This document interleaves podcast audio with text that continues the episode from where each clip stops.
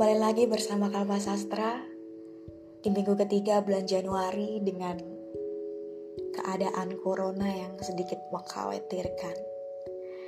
Bagaimana keadaan teman-teman hari ini? Beberapa waktu lalu Kalpa Sastra membaca kumpulan cerpen dari satu dekade silam media. Dan dalam kumpulan cerpen tersebut Kalpasasta tertarik pada satu cerpen yang dituliskan oleh Ardi Krishna Krenata. Judul cerpen tersebut ialah bagaimana kita menulis cerita pendek 20 tahun dari sekarang. Berkaitan dengan itu, teman-teman pasti memiliki sudut pandang tersendiri tentang literasi, tentang membaca, menulis, dan juga berbicara. Dalam hal ini, Kalpa Sastra menggunakan literasi sebagai salah satu cara untuk proses penyembuhan. Apakah teman-teman ada yang memiliki cara yang sama?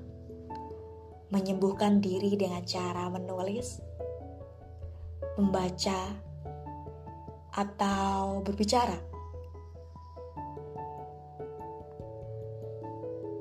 Berkaitan dengan itu, tentu saja kita paham bahwa manusia memiliki cara tersendiri untuk menyembuhkan dirinya.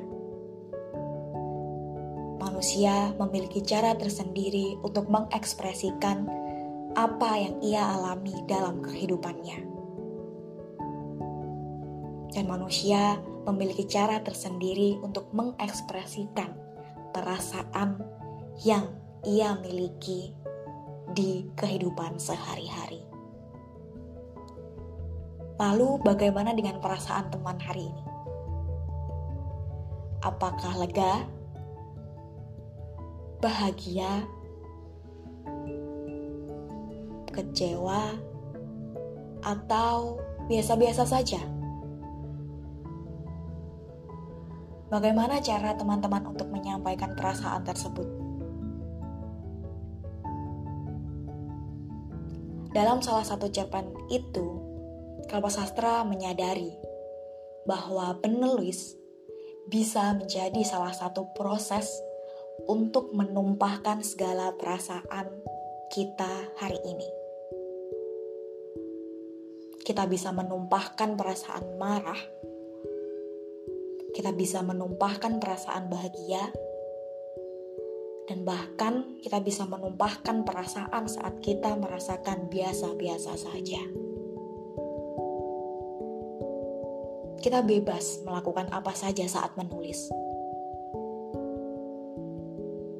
dan kita bisa menyalurkan ekspresi kita di proses menulis.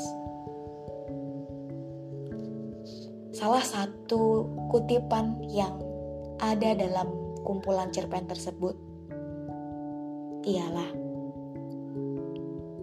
dalam situasi seperti itu bisa dibayangkan. Menulis cerita pendek adalah sebuah cara lain untuk menuangkan apa yang tak tertuangkan di realitas. Untuk memunculkan kembali apa yang telah hampir tenggelam atau terkubur dalam-dalam. Dengan kata lain, pada saat itu kita menulis cerita pendek dengan penuh kemarahan dan pelampiasan yang mewujud. Bukan saja dalam kisah yang dialami si tokoh, tetapi juga penceritaannya.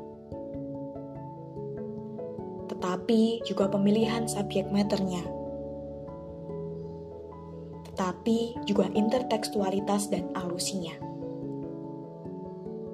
dan tentu saja si tokoh itu sendiri.